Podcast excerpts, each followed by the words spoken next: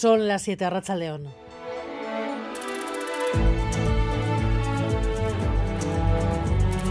Gambara con Arancha García.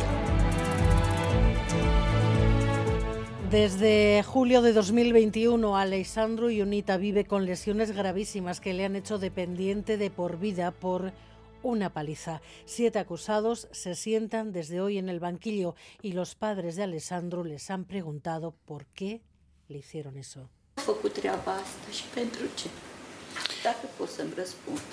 Quiere preguntar a los agresores eh, por qué han hecho y para qué, si pueden contestar.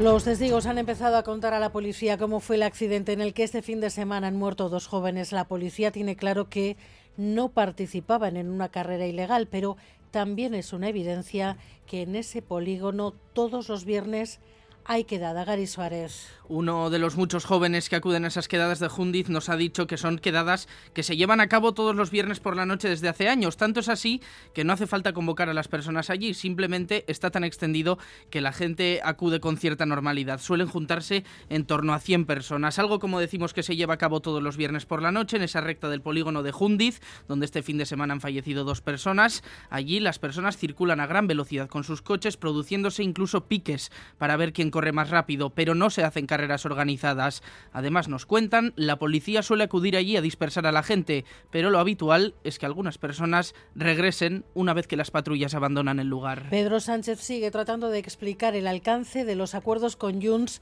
dos entrevistas en 24 horas para decir que las competencias de las fronteras son del Estado y que es bueno compartir responsabilidades con las comunidades autónomas. Eso, mientras Junts recuerda que no han renunciado al referéndum. Un referéndum pactado i, si no, se acabó. Jordi Turulla. Que es pugui fer un referèndum vinculant i acordat amb l'Estat. I si l'Estat es nega amb rodó, com diria aquell, colorín colorado, ja està. Ni falta de autocrítica ni falta de diálogo. El Endacari Urcullo ha vuelto a poner en valor su gestión al frente del gobierno vasco en esta recta final de mandato. Pide autocrítica, sí, a los sindicatos, dice, por el fracaso de las últimas huelgas en el sector público. ¿Alguien ha hecho alguna consideración con respecto al fiasco de las huelgas convocadas en la administración pública a lo largo de este último año, por ejemplo. A las 8 hablamos aquí en Gambara con un médico recién llegado de Gaza, 101 días, 24.100 muertos, 60.800 heridos. Netanyahu ya ha dicho este fin de semana que ni el Tribunal Penal Internacional, que aún delibera sobre la denuncia sudafricana, ni nadie les hará parar. 101 días, Netanyahu ni ha terminado con Hamas ni ha liberado a los rehenes. 136 rehenes cumplen también 101 días de terror. Y en Estados Unidos, una gran tormenta de nieve amenaza la participación en los caucus de Iowa. Las primarias republicanas arrancan con las encuestas confirmando el dominio absoluto de Trump. En Iowa, Yeray Díaz en estas horas previas.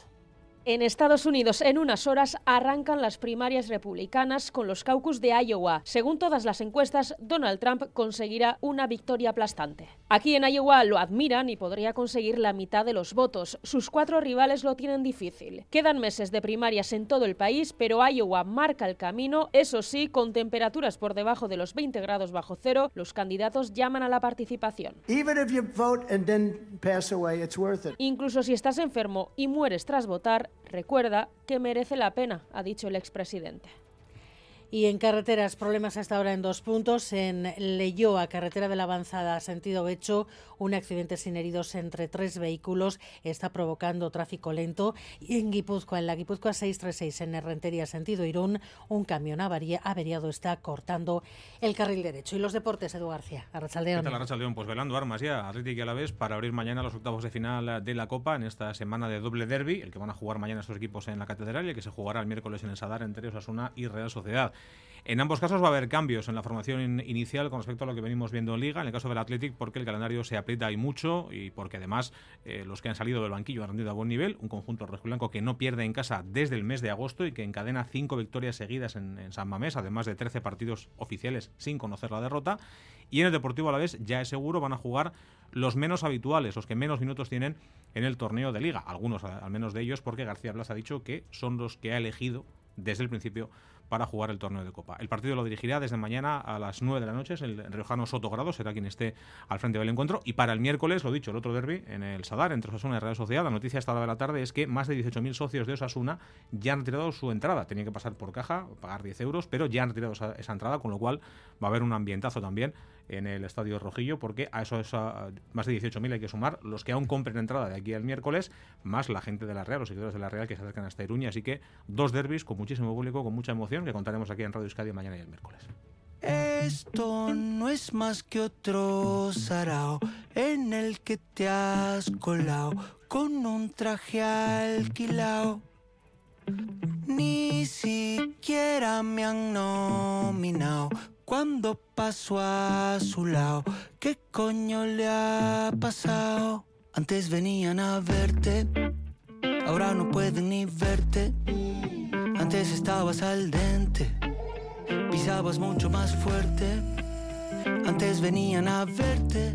El último CIS pregunta por la igualdad entre hombres y mujeres y cuatro de cada diez hombres dice que ahora los discriminados son ellos. Javier Madariaga. Ya sabíamos que el tema de la igualdad le estaba costando votos al PSOE, que en las últimas citas con las urnas se ha ido dejando voto masculino en el camino. De ahí que se apartara algunas ministras. Pedro Sánchez nos echa de este gobierno. Ministra, te deseo que tengas valentía para incomodar a los hombres amigos de 40 y 50 años del presidente. Hoy es una encuesta del CIS, la primera que hacen sobre la percepción de la igualdad, la que hace saltar las alarmas. Casi la mitad de los hombres cree que se ha ido tan lejos con la igualdad que ahora dicen se les está discriminando a ellos. No si al final Motos y sus secuaces acabarán llevando la razón y sus comentarios son injustamente criticados. Oye, ¿es verdad que te cogieron el internado porque estás de miedo? Perdón. Eh, has cambiado mucho desde la última vez que viniste a este programa. ¿Cómo podría decirlo de forma elegante? Eh, has crecido. Esto último se lo decía Motos a una Miley Cyrus de 17 años. El estudio llega a esta conclusión después de haber hecho más de 4.000 entrevistas, entrevistas que al margen de esta percepción vienen a corroborar lo que intentan cambiar las políticas de igualdad, las desigualdades muy grandes que ven el 70% de las encuestadas con respecto a los hombres. El 70% de ellas también cree que lo tienen más difícil para llegar a puestos de responsabilidad. Nunca. Un mueble en mitad de la pista. Expectativas las justas. Número uno en las listas. El 7 de abril 2000 nunca. ¿Qué coño me ha pasado? ¿Eh? ¿Qué coño me ha pasado? ¿Qué Miguel Ortiz y Asier Aparicio están en la dirección técnica, Cristina Vázquez en la producción.